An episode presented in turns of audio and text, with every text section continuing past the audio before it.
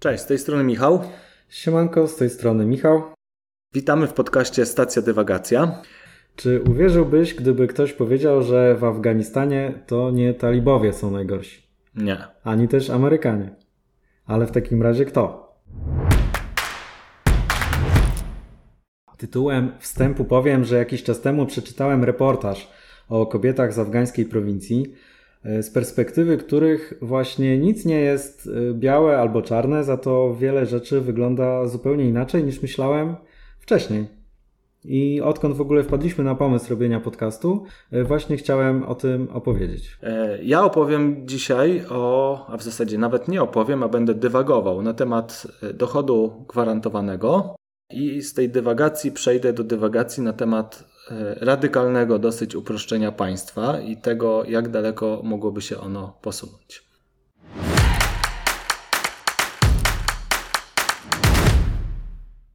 Zainspirował mnie artykuł Inne Afganki, który rok temu ukazał się w New Yorkerze, a pół roku temu był przetłumaczony w magazynie Pismo. Jest to reportaż Ananda Gopala, który opowiada o sytuacji kobiet z prowincji Afganistanu. No daje, daje ten, ten reportaż daje zupełnie inny, inny pogląd na sytuację niż dotąd mi przynajmniej się wydawało. Okazuje się, że talibowie byli dobrzy.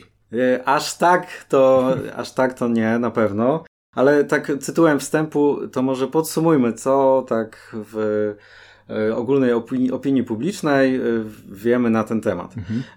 Że w którymś momencie do Afganistanu przybyli talibowie, przyjęli władzę i zaczęli wprowadzać swoje fundamentalistyczne zasady oparte o szariat, które odbierały kobietom wszelką podmiotowość i prawo do decydowania o samych sobie. Mhm.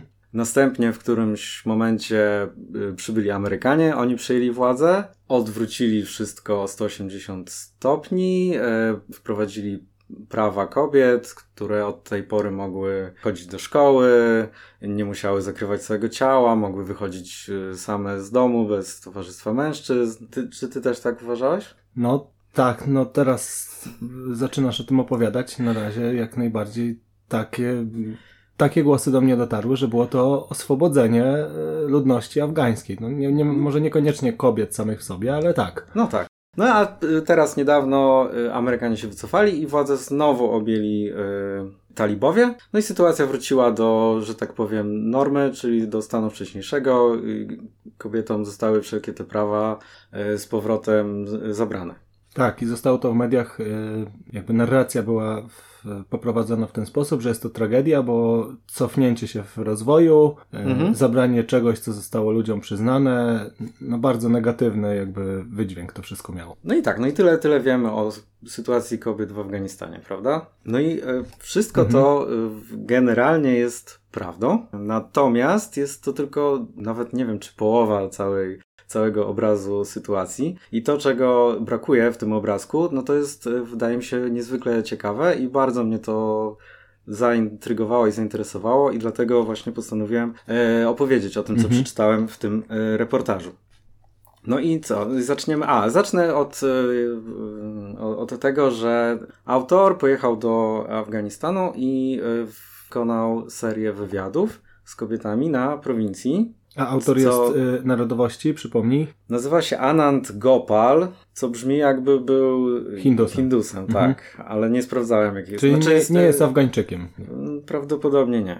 No i co? A, rozmawiał z tymi, y, y, przeprowadził serię wywiadów.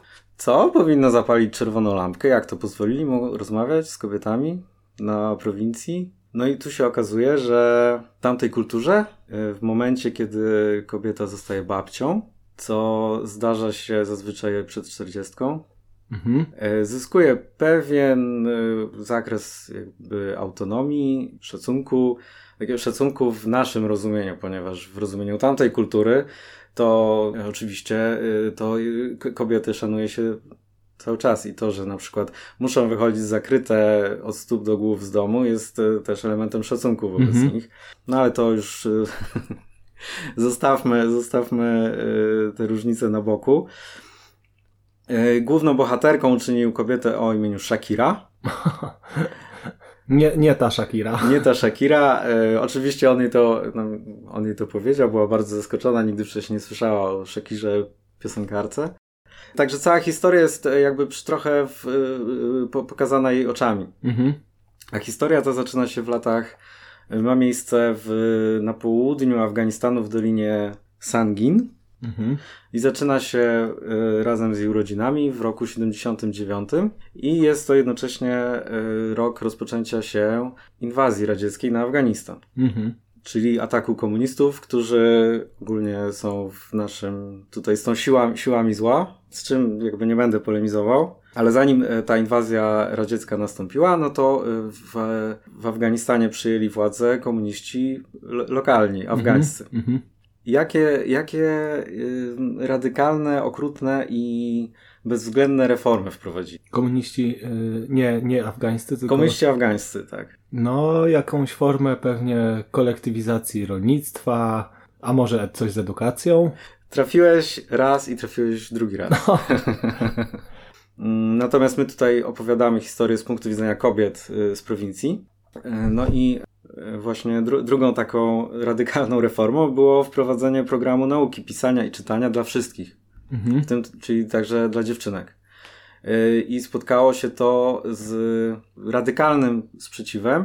Z jednej strony z, ze strony elit, mhm. co jak tak było między wierszami to napisane, ja to odczytuję tak, że dziewczyny, dziewczyny w szkole to oznacza, że te dziewczyny nie będą pracowały ani na polu, ani w mhm. domu i, jest to Olbrzymia problem tak. natury tak. ekonomicznej. Mhm. Natomiast z punktu widzenia ludności, no był to taki gwałt na, na, na tradycji. Mhm. I, I, do tego stopnia sprzeciwiali się temu, że y, władze wysyłały żołnierzy, mhm. którzy siłą odprowadzali te dziewczyny, eskortowali dziewczynki do szkoły, pilnowali ich tam, żeby odbyły się te lekcje i potem... Czyli edukacja przymusowa, można powiedzieć. No i co? No i e, no, jakby akcja rodzi reakcję, e, ludzie się zbuntowali przeciwko e, władzy komunistycznej. Wybuchł bunt, którego, za którym stali mężczyźni zwani mujahedinami. Mhm. No i w pierwszym jakby odruchu, gdy przejęli władzę w tej Dolinie Sangin, to aresztowali wszystkich nauczycieli i poderżnęli im gardła, żeby mhm. przypadkiem sytuacja się, się nie powtórzyła nigdy. No i e, wybuchła, wybuchła wojna, no i kraj podzielił się jakby na dwie części i e, Kabul, e, gdzie panowały, że tak powiem, zachodnie standardy, jeśli chodzi o kobiety, czyli małżeństwa z dziećmi zostały zakazane, kobiety miały prawo do niezgadzania się na aranżowane małżeństwa, miały prawo do edukacji, miały prawo do obejmowania urzędów, mhm. także zasiadały w parlamencie, ba kobieta była nawet zastępczynią E, głowy państwa, czyli przewodniczącego Rady Rewolucyjnej. Mhm. Natomiast wszędzie indziej, na prowincji, e, mężczyźni byli gotowi umierać e, za powrót do tych tradycyjnego mhm. stylu życia, gdzie kobiety były de facto własnością y, mężczyzn. No i cóż, no wojna trwała 10 lat y, i zwyciężyli y, mujahedini. Y, natomiast, y, no i przejęli władzę, natomiast mhm. Y, byli bardzo rozbici. Nie, żadna z tych grup mujahedinów nie, mia, nie była na tyle silna, żeby objąć władzę w całym kraju. Nie mhm. było, rząd centralny powstał, powstał, ale bardzo, był bardzo efemeryczny i bardzo szybko przestał mieć jakąkolwiek władzę. Natomiast e, zdążył wprowadzić takie prawo, że kobietom nie wolno było już wychodzić z domu. Mhm. I też zabroniono, jest to bardzo ciekawe sformułowanie, chodzić wytwornym lub dumnym krokiem. Co, co to oznacza dokładnie? Nie wiem. Ale jest to prawo, które łatwo Ale, można interpretować, więc pewnie. E, tak, więc e, łatwo można było się do kogokolwiek przyczepić. Mhm. E, no i co? E, natomiast Czyli rozumiem, że to jest e, to są przepisy, jakby zaostrzenie tego, co było przed rządami komunistów. A no właśnie, nie powiedzieliśmy sobie o tym. To wcale nie było zaostrzenie, to był powrót. A, czyli takie przepisy już. To był powrót. Takie prawo już było przed komunistami, tak? E, tak, może niekoniecznie było spisane, ale było. Tradycją jakąś. Mm, tak. Po 89 po prostu wrócono do. Mhm e, do tego świata, który był wcześniej, ale w trochę innej formie, ponieważ e, rządzili ci te zbrojne grupy mujahedinów tu, i to, to była taka władza na zasadach mafijnych. Mhm. Oczywiście to oni tak nie nazywali siebie mafią, ale de facto zasady były, były podobne. I w tej dolinie Sangin w lokalną władzę objął niejaki Amir Dado, on tam będzie się jeszcze później pojawiał mm -hmm. w tej historii. No więc po pierwsze wysyłał swoich ludzi od domu do domu, żeby ściągali haracz, mhm. który on nazywał podatkiem. Porozstawiali e, swoje posterunki na mostach, na jakichś skrzyżowaniach, także ludzie, którzy podróżowali na targ, sprzedać tam jakieś swoje rzeczy, które uprawiali, e, też musieli się opłacać. Mhm. E, w najlepszym wypadku, w najgorszym byli bici i tak dalej. Shakira opowiada taką historię, jak te grupy mujahidinów powiedzmy sobie, nagradzały lojalność wobec, mhm. Y, wobec siebie. Y, ona miała takiego stryja, który ożenił się z dziewczyną, która wcześniej uciekła przed aranżowanym małżeństwem z mężczyzną cztery razy starszym od siebie. Mhm. I ten odrzucony mężczyzna y, przystąpił do mujahedinów, wziął swoich kolegów i doprowadził do aresztowania tego stryja i żony postawili ich przed sądem religijnym i skazali na śmierć. Mhm. Ponieważ była to obraza honoru tego Mujahedina całego, całej no tak, jego rodziny. Mhm. I, te, I tak tak wyglądało, tak wyglądało życie. Czyli takie, życie codzienne y, kobiet w Afganistanie. Czyli takie życie y, niezbyt różowe, można powiedzieć, pod opresją y, sporą. Powiem, powiedziałbym, że użyłeś eufemi, eufemizmów tutaj w tym, w tym wypadku. Jak pod okupacją, jednym słowem. Albo inaczej, bardzo dosadna była to kontrola społeczna, tak? Realizowana przez zbrojne oddziały. No tak, ale tu też nie rządził, właściwie rządził ten, kto miał y, siłę i egzekwował nie to, co było społecznie uzgodnione, że tak powinno być, tylko to, co mu akurat pasowało. Mhm. Dlatego nazwałem to stosunkami mafijnymi. No i w, kilka lat później władze, władze przejęli talibowie, czyli uczniowie szkół koranicznych. I z punktu widzenia y, Shakiry, to pod względem, powiedzmy sobie, praw kobiet nie zmieniło się nic. Mhm. Natomiast y, tak, talibowie wygnali tego Amira Dado, przestali musieć opłacać te haracze, bać się wychodzić z domu. Czyli zlikwidowali tak dalej, mafię. Tak dalej. Zlikwidowali mafię. Rozwiązali y, sądy religijne tych mujahedinów, mhm. dzięki czemu uwolniono tego stryja i, i jego żonę, bo na szczęście nie zdążono wykonać y, wyroku śmierci. No i tak tutaj Shakira, jest tutaj przytoczony jej cytat. Byli łagodniejsi i odnosili się do nas z szacunkiem. Żyło nam się tak samo, ale obcy ludzie już nie wchodzili nam do domu i nie okradali nas na drogach. Mhm można powiedzieć, że trochę było tak, jakby ktoś zlikwidował stan wojenny i przeszedł do takiego normalnie, powiedzmy, funkcjonującego państwa, gdzie są podobne zwyczaje i tradycje, ale nikt nie egzekwuje ich brutalnie przy, pomocą, przy pomocy karabinu, tylko jest już to bardziej tak stabilne i, i życie codzienne wygląda normalniej, tak? No i przewidywalne. Mhm. Są zasady, których złamanie grozi jakąś karą ale nikt nie karał, z, z, y, ponieważ takie było jego widzimisię mhm. i na przykład chciał kogoś okraść albo się zemścić. Mhm. Mhm. Myślę, że tak to można ująć. Natomiast oczywiście życie pod rządami talibów to też nie była sielanka. E, po pierwsze prowadzili pobór do wojska, mhm. od którego bogatsi ludzie mogli się wykupić, ale biedniejsi ludzie, tacy jak z wioski Shakiry, nie, mie nie mieli takich szans. Więc na przykład musieli się ukrywać, mhm. E, przez co nie mogli pracować, więc to nie było, nie było łatwe. Ale najgorszą rzecz, jaką zrobili talibowie, mhm. Totalny game changer, to było, uwaga, zakazali uprawy maku mhm. i produkcji opium. O! Zubożenie społeczeństwa czuję.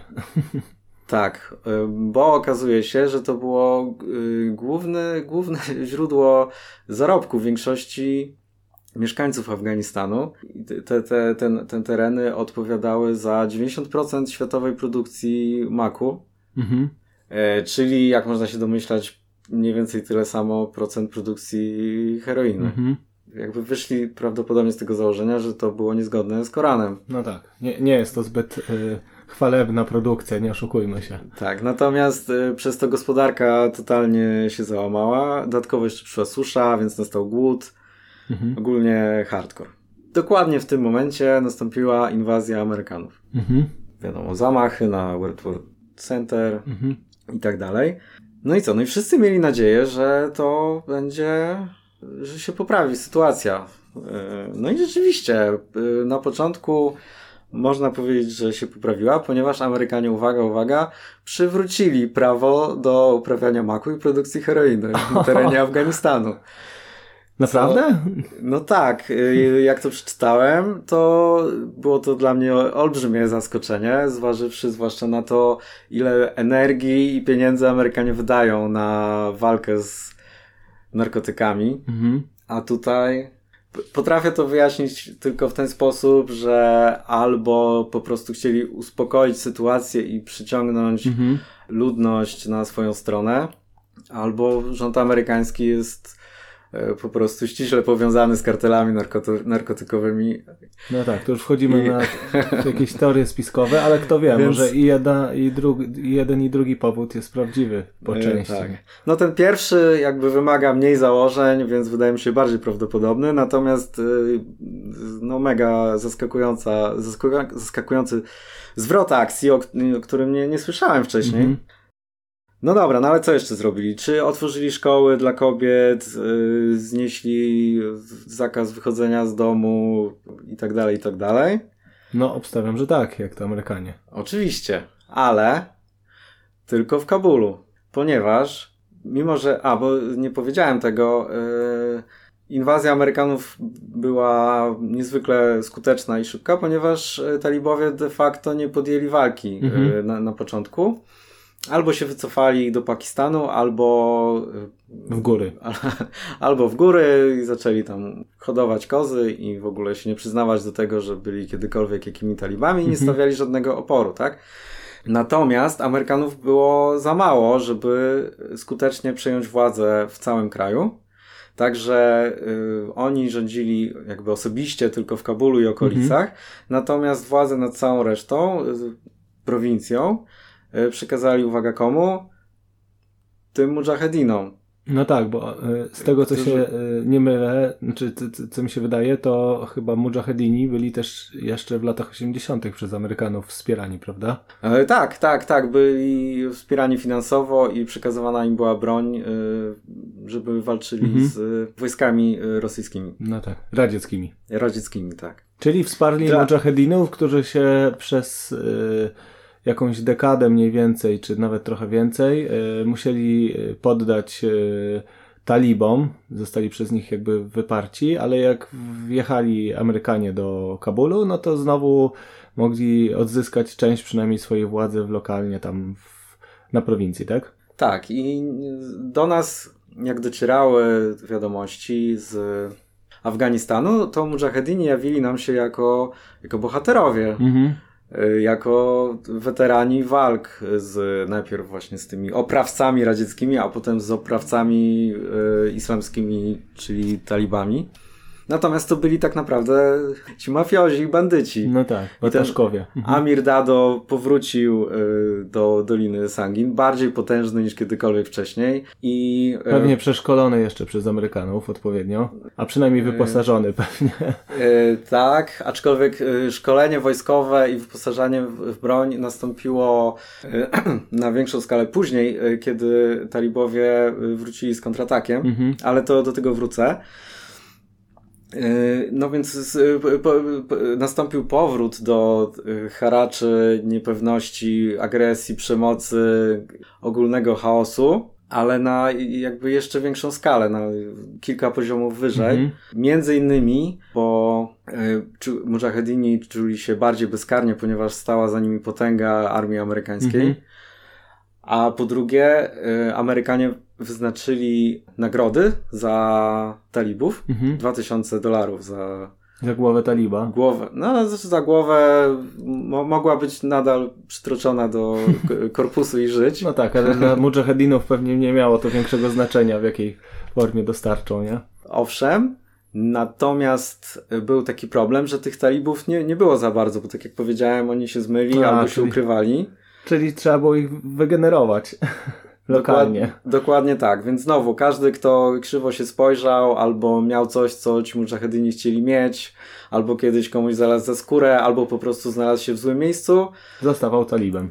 Y, zostawał talibem i zostawał albo martwym talibem, albo y, talibem wysłanym do Guantanamo. Mhm. Czyli, jednym słowem, wraz z Amerykanami na prowincję dotarło dramatyczne pogorszenie warunków życiowych i sytuacji kobiet, tak?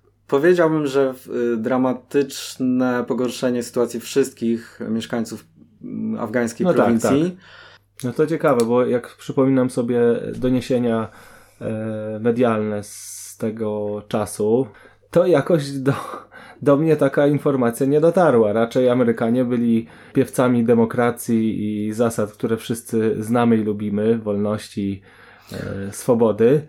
I wydawało się, że dzięki no temu, że przejęli władzę, to e, w, całym Afganistanie jakby jest luźniej, nawet jeżeli gdzieś nie sprawują jej tymczasem, nie? Tymczasem była to stuprocentowa prawda, ale ograniczona do jednego miasta tak mhm. tak naprawdę. Co dzieje się dalej?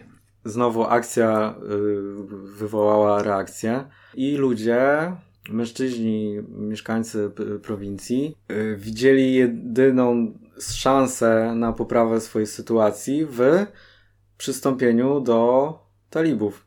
Mhm. I zaczęli masowo uciekać do, do Pakistanu, gdzie talibowie formowali swoje oddziały i w 2006 roku nastąpił kontratak. Mhm. Talibowie byli silniejsi niż kiedykolwiek wcześniej, ponieważ po pierwsze było ich więcej, a po drugie byli zdecydowanie bardziej lepiej umocowani w lokalnych społecznościach. W tym reportażu jest poświęconych ładnych kilka stron na opis y, wojny y, amerykańsko-talibańskiej. Mhm. Nad czym nie będę się tutaj rozwodził, powiem tylko, że według szacunków każda rodzina straciła od 10 do 12 bliskich, którzy nie mieli bezpośredniego, nie byli w ogóle zaangażowani w walkę. Mm, I o ile na samym początku obie strony starały się oszczędzać cywilów, Mm, na przykład y, ostrzegając mieszkańców danej wioski, żeby uciekały, uciekali, ponieważ niedługo zacznie się ostrzał artyleryjski mhm. albo będą prawdopodobnie y, toczyć się tam walki. To w miarę jak po obu stronach y, było coraz więcej mhm. ofiar, no to przestali, znaczy każda ze stron stała się coraz bardziej bezwzględna. Mhm. Zwłaszcza strona amerykańska, z tym, że tą krew na rękach, że tak powiem, y, to nie, nie, nie, nie Amerykanie bezpośrednio brali w tym udział, tylko właśnie y, mujahedini, którzy masowo mhm. zabijali cywilów w odwecie za ataki talibów. I za to, że pewnie ludność cywilna wspierała talibów, tak? Tak, tak.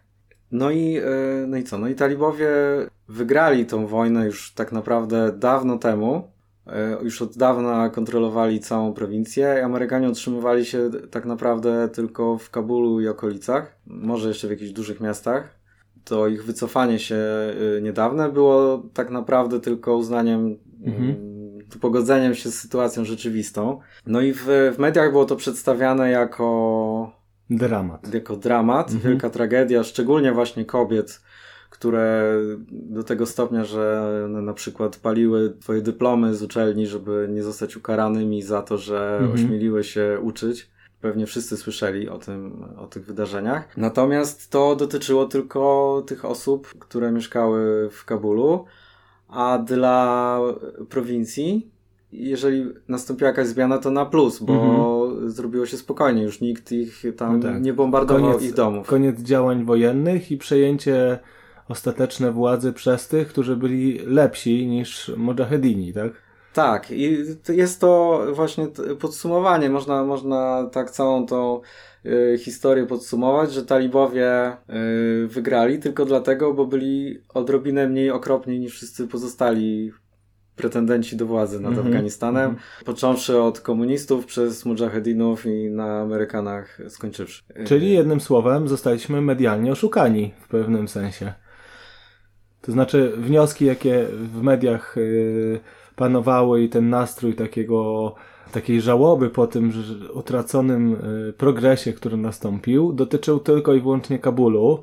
Trochę tak jakby dziennikarze, którzy to wszystko e, konstruowali materiały, y, nie zapuścili się ani razu na prowincję, tylko zostali w samym Kabulu i zrelacjonują wszystko z perspektywy mieszkańców Kabulu, dla których faktycznie to było regresem, ale nikt się nie, już jakby nikt nie dopowiedział tego, że to jest tylko Kabul, a cała reszta mm, czuje na odwrót, tak? Jakby ten przekaz, który teraz mówisz, to jest zaskoczenie dla mnie, no bo jakby w mediach była bardzo jednostronna narracja, tragedia całego narodu, tak można w skrócie to streścić. Tak, i przez ostatnie, można powiedzieć, 20-30 lat nikt w ogóle nie zwrócił uwagi na los większości tak naprawdę mieszkańców Afganistanu, tych, którzy mieszkali y, trochę dalej, byli, są trochę biedniejsi i mają trochę mniejszy wpływ na, na Mhm. cokolwiek.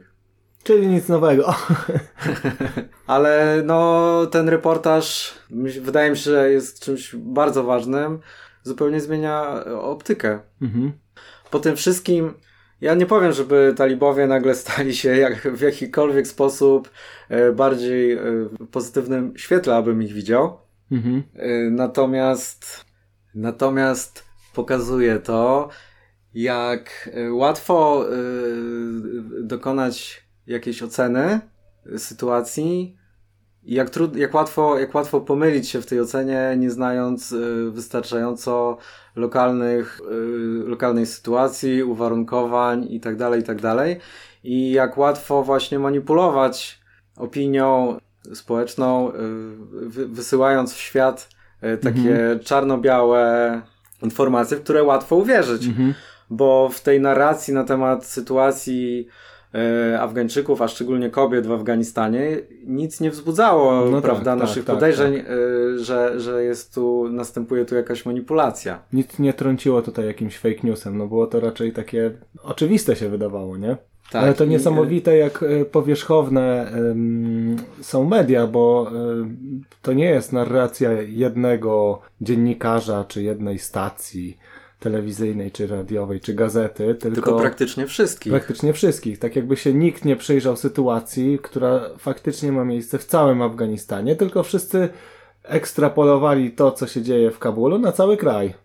E, Tak, a, a, a także ponieważ e, talibowie są źli, ponieważ na przykład dokonują zamachów terrorystycznych, to na pewno też e, tak samo źle traktowali e, No tak. mieszkańców Afganistanu. Nikt nie pomyślał, że właściwie nic nie zmienili, tylko To tu rodzi się pytanie, czy to jest celowe działanie, czy to jest narracja budowana jeszcze od tych lat 80., kiedy mujahedini byli i nawet w przekazie takim kulturowym się pojawia dużo takich e, produkcji, które pokazują ich jako dzielnych tych wojowników, takich trochę dzikich, ale jednak bardzo odważnych, walczących z przeraźliwie potężniejszą armią od, e, od ich armii, czyli z, z Związkiem Radzieckim. Film chociażby Bestia z Walem Kilmerem, jak dobrze pamiętam. albo Rambo 3. Albo Rambo 3, tak.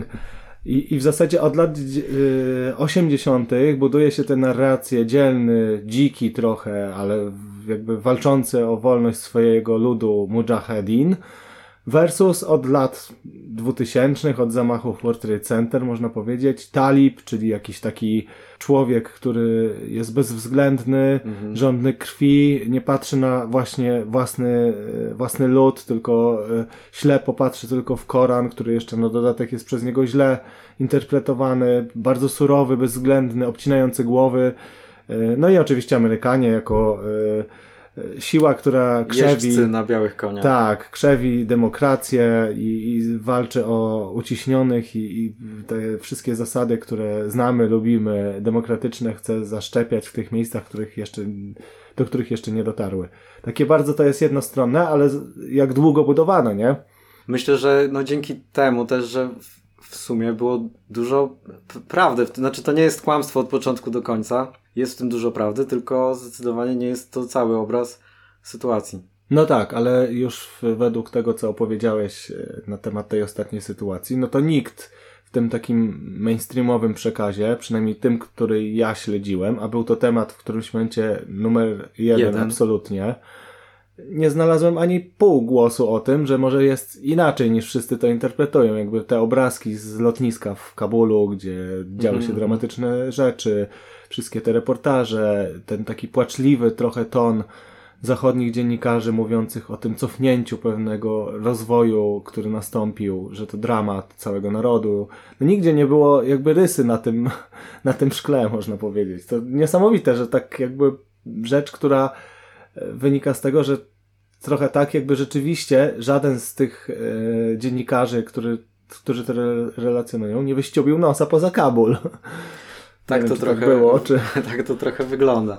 E, tytułem e, może podsumowania myślę, że warto e, powiedzieć chwilę, co same kobiety z, z prowincji mhm. afgańskiej twierdzą na temat praw kobiet. Co na to Shakira. Co na to Shakira, dokładnie tak. Bo tym, tym, tym właśnie kończy się ów reportaż. No jest to dosyć, dosyć ciekawe, jak one na to patrzą. Były, można powiedzieć, trzy rodzaje głosu Mhm. Punktem wspólnym y, dwóch z nich jest jakby mocna redukcja całego, całej koncepcji tych praw kobiet, mhm. bo z jednej strony były takie głosy, że fajnie byłoby móc sobie pójść nad rzekę albo na targ bez obstawy, bez męskiego członka rodziny, tylko samodzielnie. Mhm bez narażania się na obelgi w najlepszym przypadku, na pobicie w najgorszym. I to, to było taki, że to, to byłoby najfajniejsze w tych całych prawach kobiet. Mhm. A z drugiej strony były takie głosy, że jak kobiety będą miały prawa, będą mogły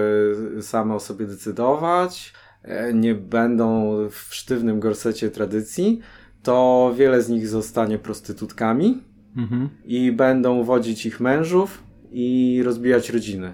I to jest ryzyko, na które one nie są gotowe. Okay. I nie, Lepiej nie, nie, podoba im się ta koncepcja praw kobiet. Natomiast taki najbardziej dojrzały, powiedzmy sobie, głos, yy, to chyba właśnie Shakiry był, że ona chciałaby tych praw kobiet, ale nie narzuconych przez kogoś z zewnątrz i nie w formie mhm. zachodniej, transplantowanych z kultury zachodniej, tylko wywodzących się z samego, z, z islamu. A, i takich tradycji na, lokalnych, tak? Właśnie, no właśnie nie do końca, bo ona tam na przykład mówi, że w Koranie nie ma nigdzie napisane, że kobieta nie może wychodzić sama z domu, że to mhm. jest lokalna tradycja i że w oparciu o, o Koran można by emancypację kobiet w tym zakresie przeprowadzić. Mhm, mhm. A nie ma też zakazu edukacji dla, dla kobiet. No tak. I właśnie kończy się wszystko tym, że jest jej marzeniem, żeby przekonać mężczyzn z wioski, żeby w końcu zbudowali szkołę dla dziewczynek. Mhm. To rzeczywiście taki dojrzały głos, czyli nie taki hura pójście w drugą stronę, tylko może zgodnie... też realistyczny. No, może tak. Trudno mi to ocenić. Nie chcę się też tego podejmować. A, natomiast właśnie jeszcze, ale w ogóle pierwszą reakcją, pierwszą reakcją kobiet na tego typu pytanie było a weźcie mi idźcie z tymi prawami kobiet, może tam w Kabulu, w Kabulu to, to, to, to może daliście tym kobietom prawa, ale tutaj na wsi to jedyne co przynieśliście to śmierć i zniszczenie. Przyjechaliście, zaczęliście tutaj bombardować nasze domy, wyjechaliście i z czym zostaliśmy? Z niczym. No tak, no tak, rzeczywiście, z tej Więc perspektywy. Mnóstwo było takiej goryczy. Mhm. Czemu się nie dziwię. No tak, czyli lokalnie to nie było y, zaszczepienie jakichś tam praw kobiet, tylko po prostu wojna nadeszła, więc nic dziwnego, że. Tak, ze wszystkimi przykrymi konsekwencjami. Czyli po raz kolejny talibowie są dla nich jakąś stabilizacją i uspokojeniem sytuacji lokalnie, tak? Trochę w myśl chujowo, ale stabilnie.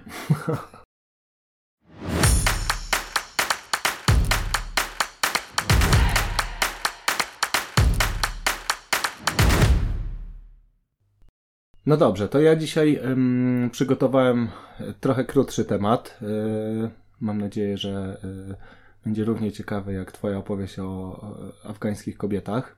Mój temat wziął się z tego, że przeczytałem artykuł w najnowszym przekroju, to jest w wersji let, lato 2022. Artykuł, a w zasadzie wywiad z Rutgerem Bregmanem, To jest młody e, europejski filozof, ekonomista, podobno bardzo popularny i jednocześnie optymista. Cały wywiad, e, jakby mm, on wychodzi z takich założeń, że e, ludzkość nie jest taka zła, jak ją oceniamy, i człowiek też nie jest takim wcale złym stworzeniem, jak zwykło się uważać. Bardzo popularne jest sformułowanie na temat tego, że człowiek jest największą zakałą na tej planecie. I on jakby z tym walczy. Ale nie o tym chciałem mówić, nie o optymizmie. Pojawiła się w tym wywiadzie mm, jakby myśl na temat bezwarunkowego dochodu gwarantowanego. I to było bardzo ciekawe. Zacząłem zgłębiać ten temat i, i to dzisiaj chciałbym o tym krótko powiedzieć, o swoich przemyśleniach.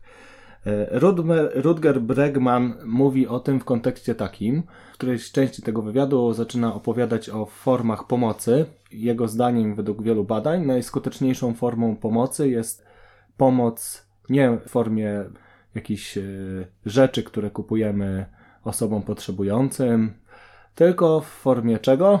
Gotówki. Tak, gotówki. I jakby to nie jest zbyt popularne e, stwierdzenie, bo też dosyć powszechnie mhm. uważa się, że jak się ludziom potrzebującym, którzy sobie w życiu nie radzą, da pieniądze, no to oni sobie nie poradzą z wydawaniem tych pieniędzy, Zresztą u nas w kraju też się często mówi o tym w kontekście na przykład programu 500, że to jest takie rozdawnictwo i kończy się na tym, że mhm. ludzie sobie kupują różne rzeczy, ale niekoniecznie na swoje potomstwo te środki przeznaczają. Ale Rutger właśnie twierdzi, że mm, według różnych y, badań, y, które tam przytacza w, mhm. w rozmowie, y, najlepsza to jest forma pomocy, bo osoby, które wymagają tej pomocy, najlepiej wiedzą, czego potrzebują i wcale nie jest prawdą to, że jak się im da pieniądze, to przeznaczą na głupoty i roztrwonią te środki, tylko prawdopodobnie dużo efektywniej je wydadzą niż jakiekolwiek, nawet jakkolwiek sprawna by nie była organizacja. Mhm. To znaczy większość ludzi racjonalnie rozporządzi tak, tak, swoimi tak, tak, tak, tymi pieniędzmi, a część oczywiście zrobi to nieracjonalnie, tak, ale oni tak. będą w mniejszości. Mhm. Zdecydowanie.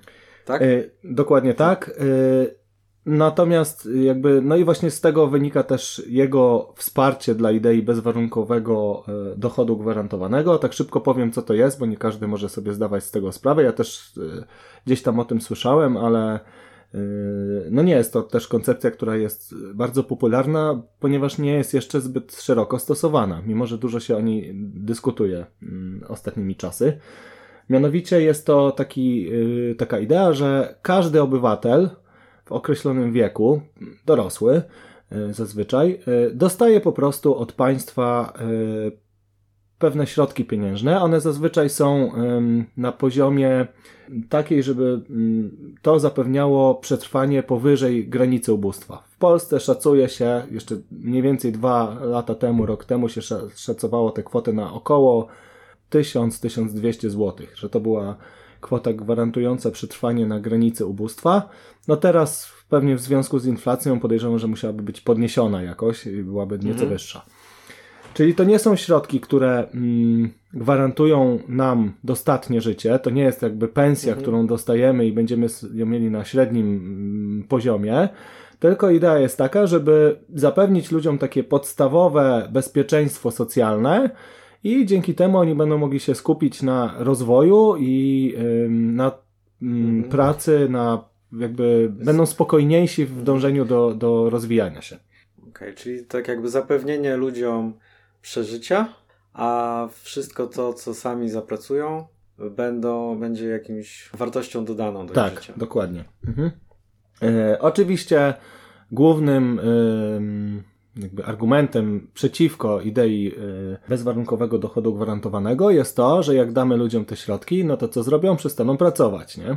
Mhm. E, zrobiono różne badania, mm, znaczy badania, mm, ankiety, to jakby przeciwnicy tej idei tymi e, ankietami się posługują, gdzie ludzi zapytano, czy y, uważasz, że y, ludzie przestaną pracować, kiedy będą od państwa dostawali bezwarunkową, czyli jakby mhm każdy spełnia, nie musi spełniać żadnych warunków, dostaje po prostu przez sam fakt bycia obywatelem e, pensję, czy uważa, że przestaną pracować? No i tam zazwyczaj powyżej 50% mm. badanych mówi, że tak. mhm. że przestaną ludzie pracować. Ale ktoś, kto jest e, zwolennikiem tej, tego bezwarunkowego dochodu gwarantowanego, zrobił też sprytną rzecz, mianowicie tych samych ludzi zapytał, mhm. czy ty przestałbyś mhm. pracować, gdybyś dostawał od państwa bezwarunkowany, bezwarunkowy dochód gwarantowany. No i okazało się, że wyniki y, tak, przestałbym, były na poziomie 2-3%. Nie? Mm. Czyli no tak. oczywiście tutaj to można. Na takiej zasadzie, jak 80% kierowców uważa, że jest lepszym kierowcą niż tak, dokładnie, przeciętny dokładnie. kierowca. Y, tak. No i teraz tak. Co tu jest ciekawe? Przeprowadza się aktualnie różne eksperymenty w różnych częściach świata. Największy jest taki eksperyment w jakiejś części Indii, mm, gdzie postanowiono to przeprowadzić w taki bardzo naukowy sposób, ponieważ y, jest grupa wiosek y, licząca ileś tam tysięcy mieszkańców, których, które zostały objęte tym bezwarunkowym dochodem gwarantowanym i grupa kontrolna w tym samym regionie wiosek, mhm. które też się bada na różnych tam mhm. poziomach różne kwestie. Wow, to prawdziwy eksperyment. Prawdziwy eksperyment, tak naukowo przeprowadzony. On, on chyba jeszcze trwa z tego, z tego, co przeczytałem. Natomiast już są jakby z niego wnioski i okazuje się, że nie jest tak, że ci ludzie, którzy dostali mhm. te pieniądze od państwa, przestali pracować. Co więcej, nawet pracują więcej niż ci, którzy mhm, tych mhm. pieniędzy nie dostają, ponieważ to im pozwoliło na zorganizowanie się. Mhm. Nie wydają tych pieniędzy na głupoty przysłowiowe, tylko na przykład na zorganizowanie się. W niektórych wioskach powstały jakieś kooperatywy, gdzie mhm. ten dochód został przeznaczony na przykład na wykupienie maszyn jakichś e, potrzebnych do mhm. uprawy czegoś, jednej z wiosek, z, z tego co słyszałem, zostało mm, zakupione y, ileś tam sztuk bydła, w innej jakiś sprzęt do, y, znaczy do lokalnego stawu.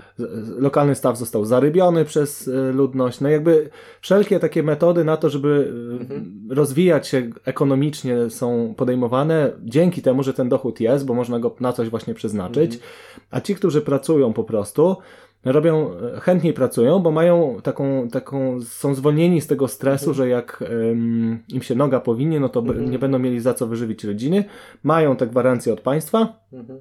No i wynika z tego, że jakby to wpływa pozytywnie na ich motywację, nie? Bo zdejmo, zdjęty z ich karku jest ten taki najbardziej pierwotny stres, że sobie nie dam rady z, do pierwszego, tak przysłowiowo powiedzmy. Także widać, że to jakieś tam efekty przynosi. Oczywiście przeciwnicy y, tego y, zjawiska mówią o tym, że no halo, halo, to fajnie, że ten eksperyment to pokazuje, ale trzeba skądś te pieniądze zdobyć i że to nie jest wcale mhm. jakby, jeśli weźmiemy sobie skalę iluś tam wiosek, iluś nawet tysięcy ludzi, ok, ale jakbyśmy teraz mieli przełożyć na skalę ogólnonarodową, no to jest już wtedy problem, nie? Bo musimy przeznaczyć spore pieniądze, olbrzymie pieniądze na to, żeby mhm. ludziom te, te środki dać. No więc tutaj się pojawiają różne mm, kwestie, skąd te pieniądze wziąć. I tutaj jest taki pierwszy paradoks, który dał mi do myślenia, jak bardzo skomplikowane są nasze, e, to jak my się oddaliśmy w pewnym sensie władzy, bo teraz wyobraźmy sobie, że w Polsce, na przykład, żeby już wrócić do naszego kraju, że w Polsce ten e, bezwarunkowy dochód gwarantowany zostaje wprowadzony, bo była taka dyskusja przez mhm. chwilę, gdzieś tam ktoś e, to podniósł. No i co by się musiało wydarzyć? Najprostszą drogą jest zwiększenie podatków na tej grupie, która może temu zwiększeniu podołać, czyli pewnie na najbardziej zamożnych, nie? Mm, albo nawet załóżmy równomierne zwiększenie, mhm. przy czym oczywiście ci, którzy większe y, mają wpływy, no to będą większy podatek tak czy siak płacili, nie? E, więc wyobraźmy sobie, tak z tej perspektywy, to jest ciekawe to, że, że my mamy od państwa dostawać pensję, na którą sami sobie będziemy płacić w pewnym sensie, nie? Jak się nad tym zastanowić. Zamiast po prostu, jak bardzo jakby takie myślenie w takiej dyskusji jest jak, jak bardzo się za, e, jakby to powiedzieć, zabrnęliśmy w myślenie, że państwo pewne rzeczy za nas rozwiązuje, czy jest odpowiedzialne za pewne rzeczy, bo można by to samo uzyskać teoretycznie, po prostu zmniejszając podatki i zostawiając w naszych kieszeniach pieniądze, które e, teoretycznie dostajemy, tak? Zakładając, że nie ma bezrobocia, oczywiście. Patrząc na Polskę, bezrobocie jest na jakimś bardzo niskim poziomie, więc wystarczyłoby tylko tym bezrobotnym zapewnić, no to już by nie było to samo. Okej. Okay. Natomiast chodzi mi o to, że jakby w tej idei jest gdzieś tam zaszyta taka myśl, że zwiększamy na, sobie, na nas samych obciążenia, żeby dostawać od państwa z powrotem nasze pieniądze, nie? Ale oczywiście to jest tylko spojrzenie z jednej strony, no bo w idei tego bezwarunkowego dochodu gwarantowanego jest zawarta jednak jakaś tam redystrybucja, nie? Co wydaje się, że na skalę taką światową ma sens, no bo rozwarstwienie jakby społeczne jest coraz większe, nie? To znaczy bogaci są coraz bogatsi, a biedni stają się coraz biedniejsi, tak globalnie rzecz biorąc. Więc można powiedzieć, że byłaby to forma zwiększonej redystrybucji, nie? To, co jest tu ciekawe jeszcze, to też jeden aspekt ważny. E, popatrz na to, że, mm, że w tym jest maksymalne uproszczenie systemu. To znaczy, znika nagle potrzeba weryfikacji, czy ktoś, czy komuś dane świadczenie przysługuje, czy nie, jakichś różnych progów, jakichś yy, oceny, yy, tak jak w świadczeniach spo, społecznych, dużą część energii aparatu urzędniczego jest jakby poświęcana na to, żeby analizować, podsumowywać. Tu jest prosta piłka. Każdy obywatel, który jest pełnoletni, dostaje określone pieniądze, i koniec. Znika potrzeba weryfikacji. Jesteś obywatelem? Proszę bardzo, to jest twoje 1200 zł na przykład, nie? Yy, więc to by było mega uproszczenie. Taki egalitaryzm w, jednym, w pewnym aspekcie, że każdy dostaje tyle samo, bo te, tak została określona ta yy, granica ubóstwa. Nieważne, czy ty zarabiasz, jesteś przedsiębiorcą i zarabiasz 100 tysięcy złotych miesięcznie średnio, to i tak te 1200 dostaniesz, dostaniesz, co z tym zrobisz, to twoja sprawa, ale jak nie zarabiasz albo zarabiasz bardzo mało, no to dla ciebie to będzie potężny oczywiście zastrzyk, który ci bardzo pomoże, nie? Natomiast z perspektywy państwa, super prosta rzecz. I tak sobie właśnie o tym pomyślałem, że może tutaj powinniśmy się skupić na pewnych rzeczach. I przyszła mi na myśl druga rzecz, która, e, drugie doniesienie medialne, które mnie. To e, Zanim jeszcze, zanim jeszcze przejdziesz do drugiej rzeczy, to wrócę na chwilkę do tej kontrowersji, że ten dochód gwarantowany byłby finansowany z naszych podatków, mhm. więc jest to jakby takie błędne koło.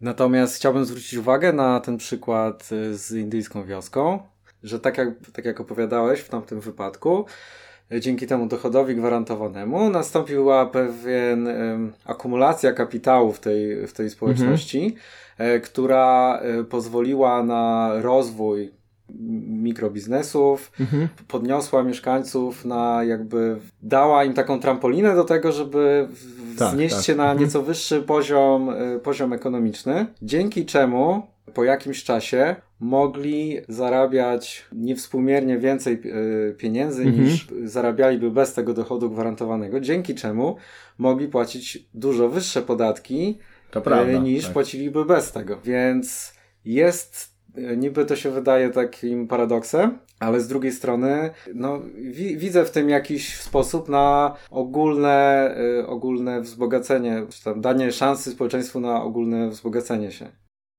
No tak, a jest jeszcze też w tym taka myśl, że nawet jeśli to będzie dużo kosztowało, to zawsze to są pieniądze zabrane z państwa, z aparatu jakby państwowego, nie? Z powrotem do nas. Ja na przykład osobiście y, wiele widzę y, naciąganych jakby motywacji stojących za systemem 500, ale jedno trzeba mu przyznać, że jest to dobry sposób na to, że państwo jednak oddaje pewne pieniądze, które zabiera w podatkach bezpośrednio obywatelom.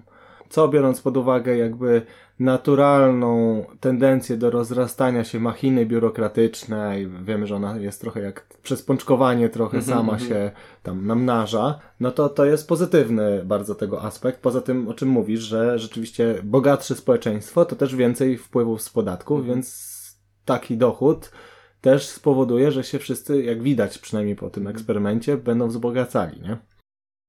No dobra, to wróć do tej swojej myśli. Moja myśl, ym, moja myśl wynikała z innego newsa, który y, niedawno też zrobił sporą furorę, mianowicie z y, informacji na temat y, biletu w Niemczech mhm. za 9 euro. Mhm. Pewnie o tym słyszałeś. Bilet na koleje. Tak, bilet na, nawet nie tylko na koleje, z tego co przeczytałem, tylko na transport regionalny to jest. Mhm. I jest on tak skonstruowany, że płacimy po prostu 9 euro miesięcznie. Mhm i w okresie czerwiec, lipiec, sierpień za tych 9 euro na miesiąc mogę jeździć dowolnie ile chcę. Mhm. Nikt mi nie będzie sprawdzał, jak mam ten bilet, znaczy będą go sprawdzać, ale nie będzie mi sprawdzał, czy zrobiłem dwa przejazdy, czy zrobiłem 22, czy 202, nie?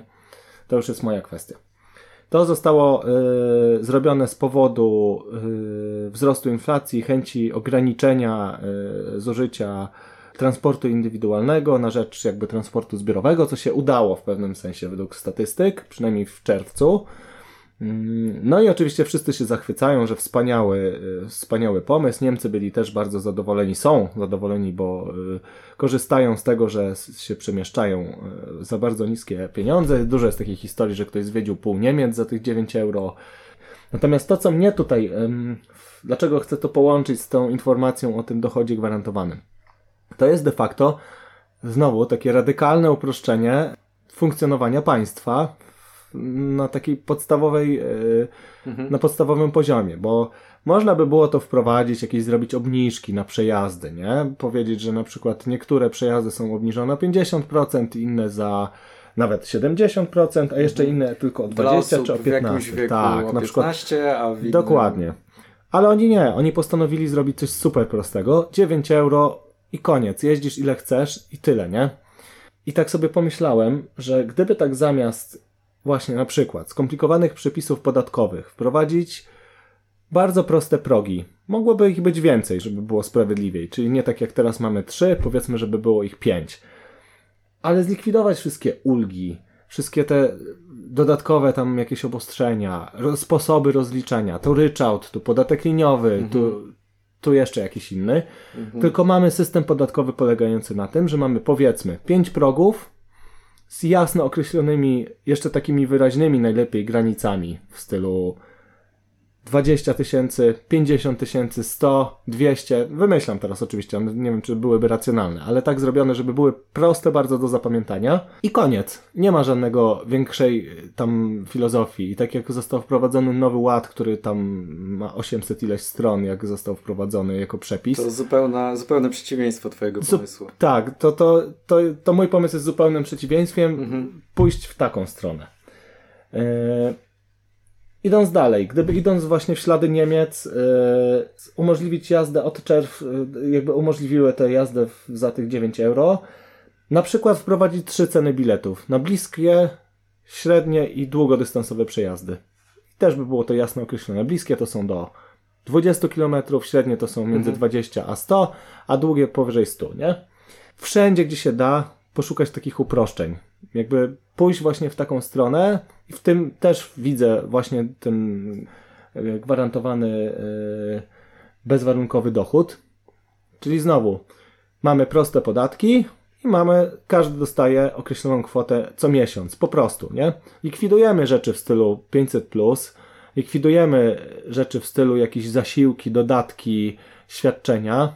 Oczywiście są emerytury, są renty, no bo to jest, ale też, żeby to było jakoś przejrzyście i klarowne, klarownie wprowadzone, nieskomplikowane, nie?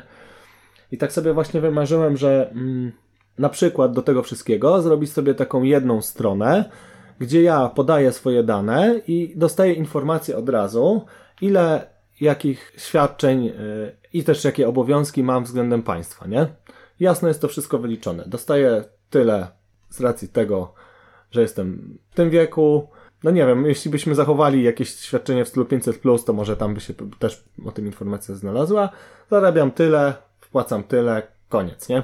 To też jakby mm, ta myśl na temat tej strony informacyjnej, takiej uproszczonej, gdzie wszystko jest dla mnie przejrzyste i proste, wynika z tego, że według e, statystyk, do których dotarłem, e, podobno połowa Europejczyków, którym przysługują jakieś świadczenia w Unii Europejskiej, nie odbiera ich, ponieważ nie ma o tym pojęcia, że im te świadczenia przysługują.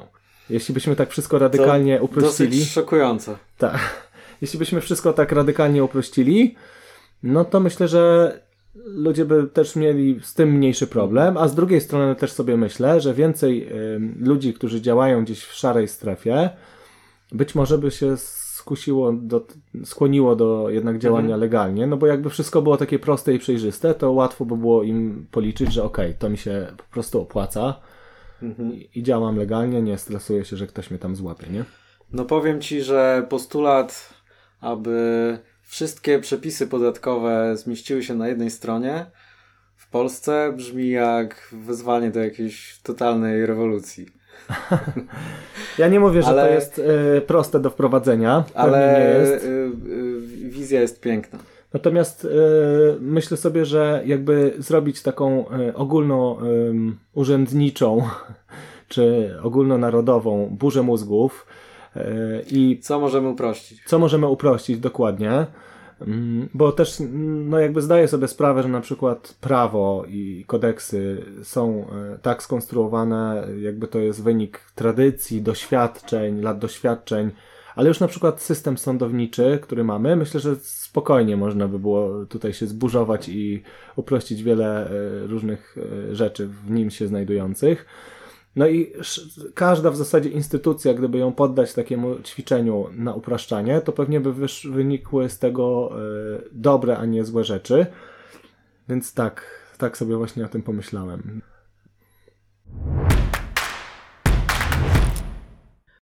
Muszę przyznać, że Twoje dywagacje były całkiem interesujące. Myślę, że fajnie by było, gdyby ktoś podchwycił niektóre z tych myśli e, w naszym kraju. Jeszcze tylko dodam, że mój pesymizm podpowiada mi, że nawet gdyby do takiego radykalnego uproszczenia ku y, ogólnemu dobru by doszło, to w kolejnych albo jeszcze kolejnych wyborach doszłaby do władzy partia, która przekonałaby wszystkich, że warto jednak zrobić tutaj taki kruczek, żeby polepszyć y, życie komuś tam, tutaj kruczek, żeby polepszyć życie tam. Pewnie tak. I po 10 latach by trzeba było zaczynać wszystko od nowa. Pewnie tak. No dobrze, to dziękujemy Wam za uwagę. I zapraszamy do kolejnego odcinka podcastu Stacja Dywagacja. Do usłyszenia. Cześć.